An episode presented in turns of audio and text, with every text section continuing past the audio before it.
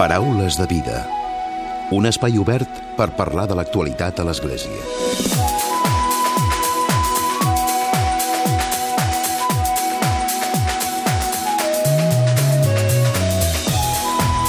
Què tal? Salutacions i molt bon dia, molt bon diumenge. Recentment s'ha presentat la trilogia del viatge de Núria Ferret, editada pel Centre de Pastoral Litúrgica.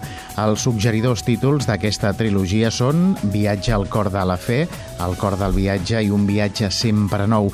Es tracta d'una trilogia dedicada a explicar els continguts i la vivència de la fe cristiana amb la Trinitat com a centre a través de les diverses celebracions litúrgiques. L'autora fa servir el viatge com a recurs literari per conduir-nos de manera progressiva a la fe en Jesucrist. Són llibres didàctics amb un llenguatge planer i apte per tots els públics, ja siguin per mestres de religió, catequistes, catecúmens o per qualsevol persona que s'engresqui a fer aquest viatge cap a la fe cristiana de la mà de la Núria Ferret. De seguida parlem amb ella, però abans us avanço que el primer volum ens parla d'un viatge intergalàctic que ajudarà els protagonistes a descobrir la seva fe.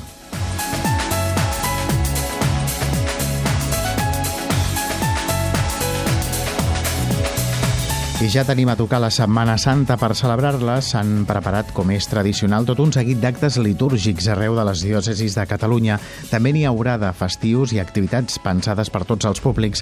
En el cas de Barcelona s'espera l'assistència d'unes 2.000 persones, unes 200.000 persones. Els principals actes s'iniciaran amb la celebració del diumenge de Rams el proper diumenge. Tot i així, algunes activitats ja s'han iniciat en aquest temps de Quaresma.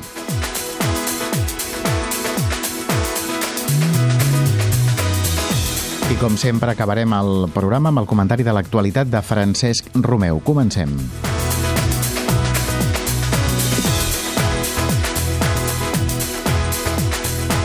Núria, bon dia i benvinguda al Paraules de Vida. Bon dia, Emili. Parlem de com sorgeix el fer aquesta trilogia. Bé, si, si hagués de posar un punt inicial eh, d'origen de tot això, m'hauria de remuntar la publicació de l'Evangeli Gaudium del papa Francesc, que va ser per a mi una lectura molt suggeridora i va provocar, diguéssim, la meva primera obra, La paraula era Déu. Llavors, publicada també al Centre de Pastoral Litúrgica, com després eh, va passar amb la trilogia. Llavors, en aquesta primera obra jo vaig tractar una miqueta de, de, la, de la paraula, evidentment, com diu el seu títol, i de com podem eh, utilitzar aquesta paraula per la nostra pregària en el nostre camí eh, espiritual. No? Llavors, fet això, em vaig preguntar, bueno, i què més podria, quin quines altres eines necessitarien els agents d'evangelització avui dia doncs per poder fer la seva tasca millor. I llavors vaig pensar la litúrgia. La litúrgia és quelcom per nosaltres molt habitual, per la majoria, no? Anem a la, a la missa, participem en celebracions, però de vegades doncs, la, la, la fem servir d'una forma rutinària, anem dient respostes sense saber ben bé Potser què diem. no hi pensem, no? Ho Potser no hi pensem, i llavors esdevé quelcom feixuc, quelcom pesat, o, o, o almenys sense gaire sentit. I vaig dir, home, això no pot ser, no? I dic que, que bé que estaria una obra que pogués apropar la litúrgia, fer-la comprensible i que la gent també la pogués gaudir més. I així doncs vaig anar covant, diguéssim, a, a aquesta trilogia per explicar doncs, elements, com dic, de la litúrgia, també i vaig anar afegint després coses, no? es van anar complicant, vaig afegir un, un recorregut de l'any litúrgic, dels temps forts, de l'Advent, Nadal, Quaresma, Pasqua, etc, d'alguns sagraments, sobretot el baptisme a l'Eucaristia, va aparèixer evidentment la Mare de Déu, perquè no em podia oblidar, i alguns sants, i, bueno, i amb tot això doncs vaig començar a ordenar el Mm. material. I com ha estat el procés de, de creació i d'escriptura des que comences la, la trilogia? De fet, vas començar, crec, el 2016, no? Eh, vaig començar el 2015, perquè quan es va acabar la publicació de l'altre llibre era el 2015. Llavors hi va haver tot un període doncs, per rumiar, per pensar, a veure, tot això com ho faré, no? I vaig, vaig pensar, mira, eh, necessito com un eix vertebrador, com quelcom que, que aglutini, que doni sentit, i vaig dir, ha de ser la Trinitat encara que d'entrada espanta una miqueta, no? el misteri de la Trinitat. O dic, home, és que litúrgia i Trinitat no es poden separar. Eh, quan penso, eh, jo, quan participem d'una celebració litúrgica, mm, en definitiva, el que estem fent és donar lluança a la Trinitat. Clar. Estem lluant, estem, estem avançant el que després farem en el cel, no? I, I hauria de ser un gaudi per nosaltres. I alhora la Trinitat també s'acosta a nosaltres en la litúrgia. Es fa present, i, i ens, ens porta aquesta comunió que ens ajuda doncs, a anar transformant la nostra vida de cristians. Eh, llavors vaig decidir agafar la Trinitat com a centre i, i es va anar configurant el que eren les tres parts, no? el, el, el fill, el pare, l'esperit sant, i, i presentar-ho a l'editorial eh, vam quedar tot i que jo ho, ho concebia com una obra de conjunt, però que era millor editar-ho en tres llibres separats per facilitar la lectura, perquè potser la gent doncs, a la millor els interessa més un volum que l'altre, que es poguessin llegir per separat, i, va, i es va anar sortint, diguéssim, els tres volums. Primer -huh. va aparèixer el primer, evidentment, i després l'editorial es va animar a publicar els altres dos i a completar la trilogia. Una trilogia interessant. De fet, el que fas, eh, Núria, és una mica una ficció narrativa, no?, amb la qual vas explicant els, els textos textos bíblics, litúrgics, no? Mm. Com construeixes tot aquest relat? Sí, clar, és que jo tenia la litúrgia i tenia la Trinitat, no? Però, clar, mm, s'havia de fer d'una forma una mica entenedora. Eh, llavors vaig fer primer un, un, un, un esbós de sis pàgines i el vaig donar al, al meu director espiritual, Fra Valentí Serra de Manresa, Caputxí, que m'ha ajudat molt i és un amic i m'ha acompanyat en molts moments. Dic, escolti, llegeixi això a veure què li sembla. I diu, home, doncs, francament, és una mica rotllo. I dic, Perquè vaja... Era feixuc. E-, era feixuc, era feixuc. I llavors dic, això no pot ser. Dic, s'ha de fer més a me. I dic, mira, com que he d'escriure, doncs vaig escriure. I vaig començar a idear un relat amb uns personatges i en forma epistolar, perquè bueno, a mi m'agrada aquest, aquesta, aquest, aquesta forma epistolar d'escriure. De, no? I vaig provar a veure si amb aquests relats jo podia anar encabint, diguéssim, els continguts que m'interessava transmetre. I vaig veure que sí, que era possible i que realment sortia doncs, molt més amè, molt, es feia la lectura més interessant eh, i, i vaig anar seguint. Llavors, eh, l'estructura dels llibres com és? Doncs cada capítol conté una carta que eh, ens va explicant aquest relat d'aquests personatges i a continuació de cada carta hi ha una sèrie de textos que són els que pròpiament estan explicant els mm. continguts que a mi m'interessa explicar. No? Aquests textos són eh, textos d'autors litúrgics, evidentment, perquè vaig pensar ho explicaran més, millor els experts que no pas jo. No? Textos de la Bíblia, textos del Magisteri Pontifici, sobretot del papa Francesc i d'altres, de, dels últims papes que hem tingut, eh, i, i textos de, dels de patrístics i llavors es fa una mica de puzzle amb tot això, doncs es va aprofundint a mesura que es va llegint en el que bueno, a mi m'interessava que, que s'anés Uh -huh. I, el resultat, I el resultat, com dius, és més didàctic, no? És dir, té un llenguatge sí, més planer. jo crec que sí, tothom que ho ha llegit doncs m'ha dit, home, doncs sí, és, és interessant, és, es gaudeix no? amb la lectura. De fet, el Centre de Pastoral Litúrgica sempre eh, tot, les publicacions que fa són sempre més, eh, diguéssim, sí, més planeres, sí, no? més didàctiques. Sí, no? sí, i útils i que siguin Exacte. eines, diguéssim, realment perquè la, la, els que estan en les parròquies, en les comunitats, eh, portant grups, eh, catequesi, etc., doncs Podem que tinguin un, un material eh, que, que, que sigui de fàcil ús, no? entenedor, actual, uh -huh. també. Mm? Núria, parlem dels personatges, no? Hi ha diferents personatges. Sí, hi ha tres personatges, jo crec que tampoc és per casualitat que siguin tres, tres. no? I, I, clar, curiosament, és una mica extravagant, si vols, un llibre de litúrgia, no?, que, que comenci, doncs, amb uns eh, personatges de, extraterrestres que venen d'un altre planeta eh, i arriben a la Terra. Llavors, eh, un d'aquests personatges es queda, eh, diguéssim, en aquest planeta, que és el comandant, que els ha enviat en missió els altres dos, que són una parella, i arriben aquí amb la missió de destruir la religió cristiana. O sigui, eh, tot això és una mica una caricatura, no?, d'aquest planeta seria bueno, d'alguna forma la nostra societat actual que viu mm, al marge doncs, de l'espiritualitat, del que és Déu, amb una mica de materialisme i tal. No? I llavors arriben aquí i es troben amb quelcom de desconegut, amb una actitud no només d'ignorància total, sinó també d'anar-hi en contra, no? de beligerant. Però, clar, aquí hi ha la sorpresa, no?, que el fet de que aquests personatges eh, desconeguin totalment la fe em permet explicar-la des dels inicis amb un llenguatge de, doncs, quasi bé infantil, no?, com diguéssim, i anar desenvolupant alhora l'itinerari espiritual que van fent, des d'una postura de eh, contrària a la fe, un moment de trobada, de desconcert, eh, qui és aquest que estem perseguint, no? Jesucrist, a l'estil Sant Pau, per entendre'ns, tot el procés de conversió que es va donant en el segon volum eh, i d'aprofundiment, d'inserció en una comunitat cristiana, d'anar participant de la litúrgia i en el tercer volum ja es dona, després d'haver-se produït el baptisme, doncs eh, el discerniment, bueno, i ara què, no? Ara que ja hem abraçat aquesta fe, doncs què hem de fer en la nostra vida de, de presa d'un compromís en l'Església i en el món. O sigui, d'alguna manera aquests personatges fan el procés que hauria de fer tot cristià.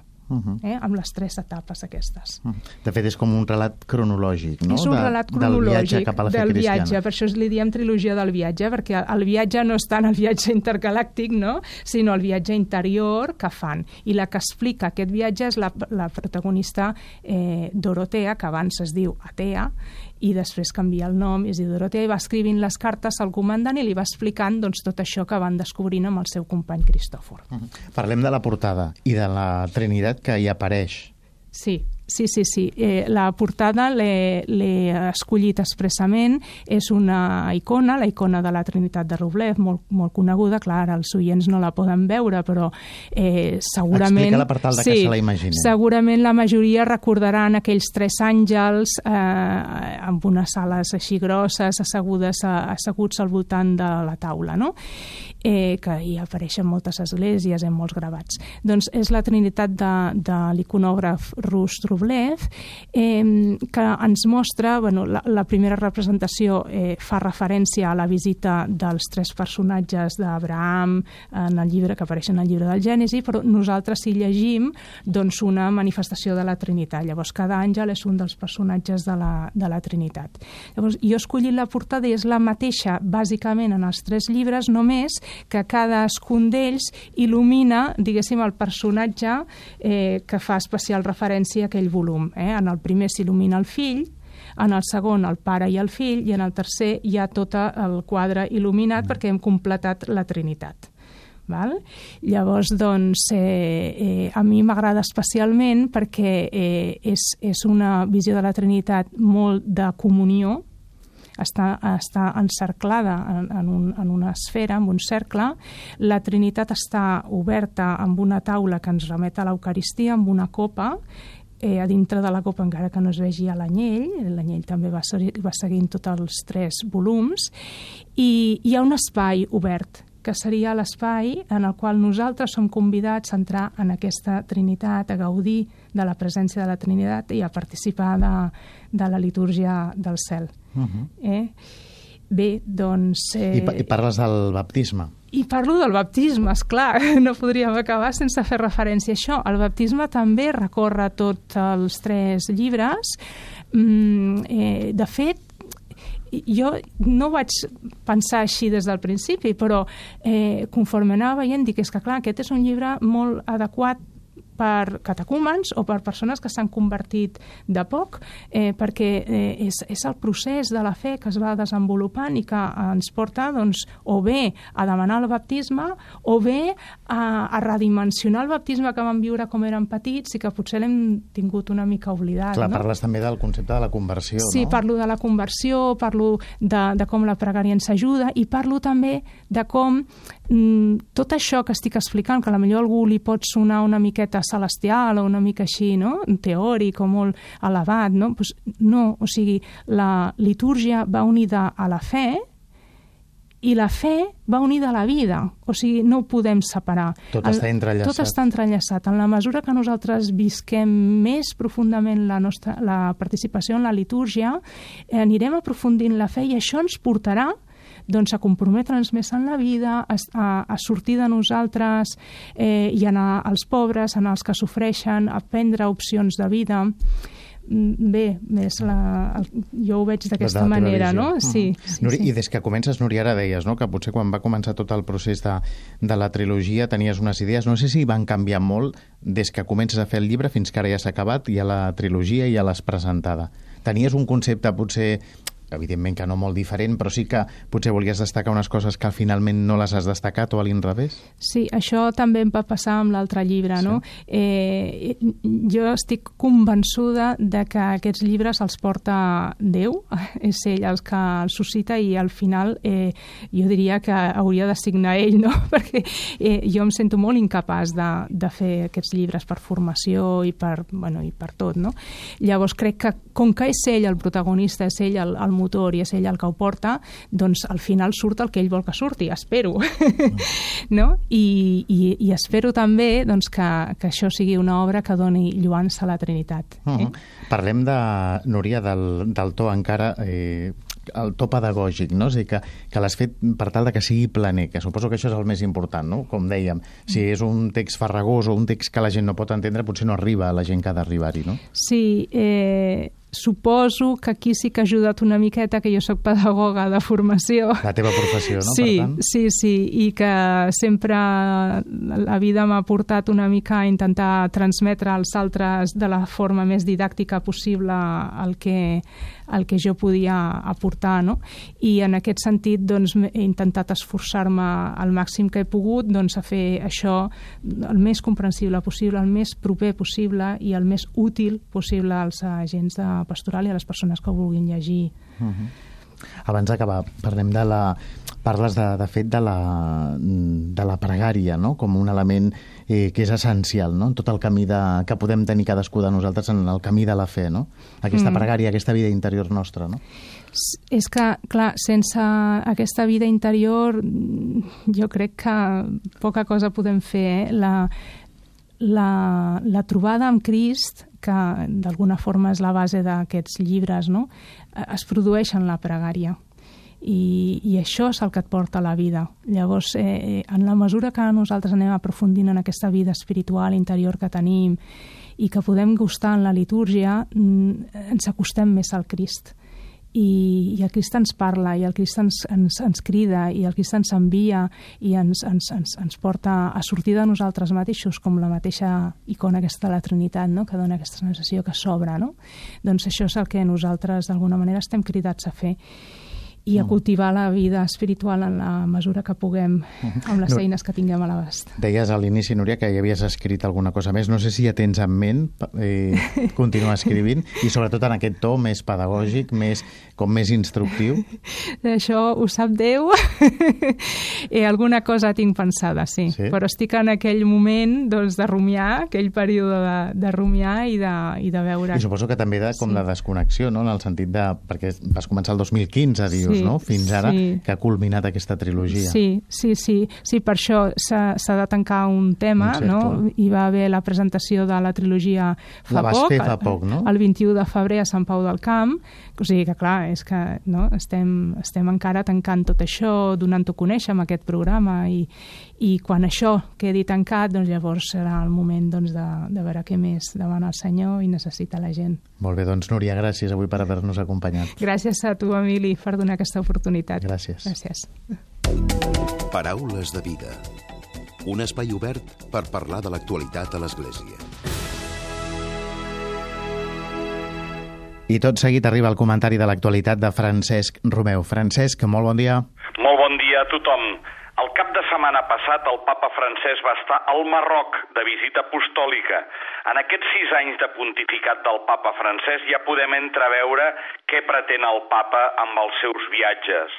D'una banda, el papa no busca tant la trobada amb grans multituds, sinó poder acompanyar petites realitats de cristians que viuen la seva fe en absoluta minoria o amb dificultats en un entorn difícil. I d'altra banda, el papa també busca la trobada amb altres col·lectius no cristians d'altres religions o no creients. És el que ell anomena la pràctica de l'encontre, buscant punts comuns i construint ponts de trobada. Això justament el que ell mateix va intentar explicar aquest dimecres passat en la seva audiència general dels dimecres, tot repassant el seu viatge al Marroc. Va dir, amb el lema Servidors d'Esperança, vaig poder fer un altre pas en el camí del diàleg interreligiós amb els nostres germans musulmans, recordant aquella trobada entre Sant Francesc d'Assís amb el sultà el Malik al-Camil fa 800 anys i el viatge del papa Joan Pau II fa més de tres dècades. En la seva catequesi del dimecres, el papa va agrair al rei Mohamed VI i a les altres autoritats marroquines per la càlida acollida i per tota la col·laboració, especialment al rei, que ha estat molt fratern, molt amic i proper. Dono gràcies sobretot al Senyor, va precisar Francesc, que ha permès fer un pas més en el camí del diàleg i de la trobada amb els germans i germanes musulmans. El meu pelegrinatge va seguir els passos de dos sants, Sant Francesc d'Assís i Joan Pau II. Fa 800 anys, Francesc va portar el missatge de pau i fraternitat al sultà al Malik al-Kamil. El 1985 el papa Boitila va fer la seva memorable visita al Marroc després d'haver rebut el rei Hassan II al Vaticà, el primer entre els caps d'estat musulmans. El papa Francesc, intervenint espontàniament, també es va preguntar però per què el papa va als musulmans i no només als catòlics? Per què hi ha tantes religions? Amb els musulmans, va subratllar Francesc, som descendents del mateix pare, Abraham. Per què Déu permet que hi hagi tantes religions? Però Déu permet això. Hi ha moltes religions que algunes neixen de la cultura, però sempre miren cap al cel, miren cap a Déu però el que Déu vol és la fraternitat entre nosaltres i de manera especial per això aquest viatge amb els nostres germans, fills d'Abraham, com nosaltres, els musulmans. No hem de tenir por de la diferència, Déu ho ha permès, però sí hem de tenir por si no treballem per la fraternitat, per anar junts a la vida. Reiterem que les religions són essencials per defensar la dignitat humana, promoure la pau i la cura de la creació. De forma conjunta, van fer una crida per Jerusalem perquè sigui preservada com a patrimoni de la humanitat i lloc de trobada pacífic, de manera particular pels fidels de les tres religions monoteistes. El papa Francesc també es va referir al tema de l'atenció a la migració que es va tenir en aquest viatge al Marroc, tant parlant amb les autoritats com especialment en la trobada dedicada als migrants. Alguns d'ells, va dir el papa, han testificat que la vida dels que migren canvia i torna a ser humana quan troben una comunitat que els acull com a persones. Això és fonamental. A Marrakech, al Marroc, el mes de desembre passat es va ratificar el Pacte Mundial per una migració segura, ordenada i regular. Un pas important en assumir la responsabilitat de la comunitat internacional. Com a Santa Seu hem ofert la nostra contribució que es resumeix en quatre verbs. Acollir, protegir, promoure i integrar. En aquest sentit, el papa francès va dir que l'Església al Marroc està molt compromesa amb la proximitat als migrants i per això vaig voler agrair i animar aquells que generosament es posen al seu servei realitzant la paraula de Crist. Vaig ser foraster i em vau acollir. No m'agrada dir migrants, m'agrada dir persones migrants. Saben per què?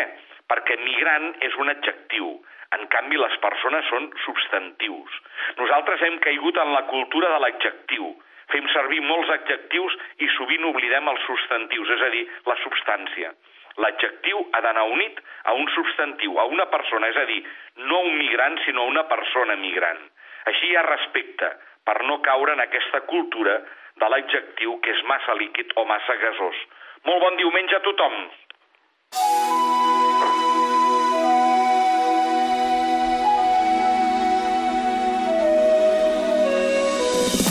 Fins aquí el Paraules de Vida d'aquest diumenge, d'aquesta setmana. En Sergi Cotillas ha estat el control tècnic i qui us ha parlat l'Emili Pacheco. Que passeu bon diumenge i una molt bona setmana.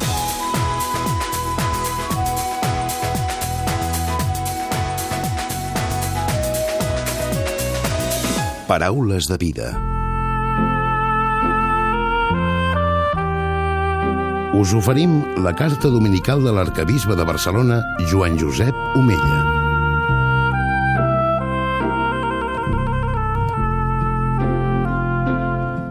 Déu us guard. La Tània fugia del seu país quan va arribar a Catalunya. A Barcelona li van rellogar una habitació. Després ella va llogar el seu llit i va haver de passar sis mesos en un sofà. Des d'aquest moment va viure un èxode d'habitació en habitació en pisos rellogats, fins a 13 mudances els dos darrers anys. La Tània té una filla de dos anys. Totes dues pateixen la inestabilitat i la inseguretat on viuen. L'Alba viu actualment en un pis de 55 metres quadrats a Barcelona, que comparteix amb 10 persones més. És a dir, hi ha 11 persones en només dues habitacions. La manca d'espai i el soroll constant fan molt difícil que els cinc menors que hi viuen puguin jugar o concentrar-se per fer els deures. L'Alba té un neguit constant, està irritable, trista, sense ganes de fer res, superada per la situació. Ella i els seus fills estan exposats a molts problemes de salut, com totes les persones que viuen en habitatges que no compleixen les condicions mínimes d'habitabilitat. Aquests dos testimonis, extrets de l'informe anual La llar és la clau de Càritas Diocesana de Barcelona, són només dos exemples de persones que malviuen en habitatges que no podem considerar una llar. La llar ens dona escalfor. És un lloc on ens sentim segurs, on podem edificar-nos com a persones i desenvolupar el nostre projecte familiar. És un espai d'intimitat, de proximitat, de companyia, de confiança, de protecció. Ens dona això pluc i alhora és un lloc on podem descansar, recuperar forces, mirar la vida, planificar, somiar. És gràcies a la llar que podem arrelar-nos al nostre entorn, a la nostra comunitat i a la societat. Com pot ser, doncs, que hi hagi persones a la nostra societat que, com la Tània i l'Alba, no puguin tenir una llar digna?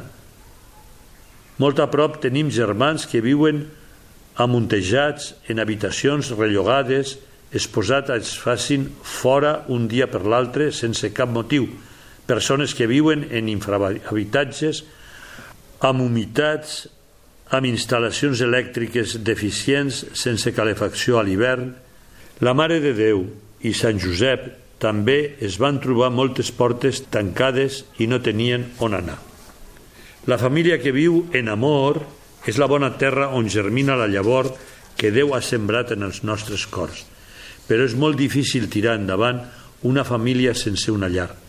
Per això, gaudir d'un habitatge digne i adequat és un dret que recull l'article 25 de la Declaració Universal de Drets Humans i també l'article 47 de la Constitució espanyola. Tenir una llar és fonamental. És la porta per accedir a l'educació, la sanitat o la ciutadania. Ara que estem immersos en un intens cicle electoral, voldria dirigir-me als nostres polítics per demanar-los que no s'obliden d'aquest tema. Benvolguts germans, fem que, entre tots, aquest problema no quedi a l'ombra. Avancem junts cap a una comunitat més fraterna i més solidària.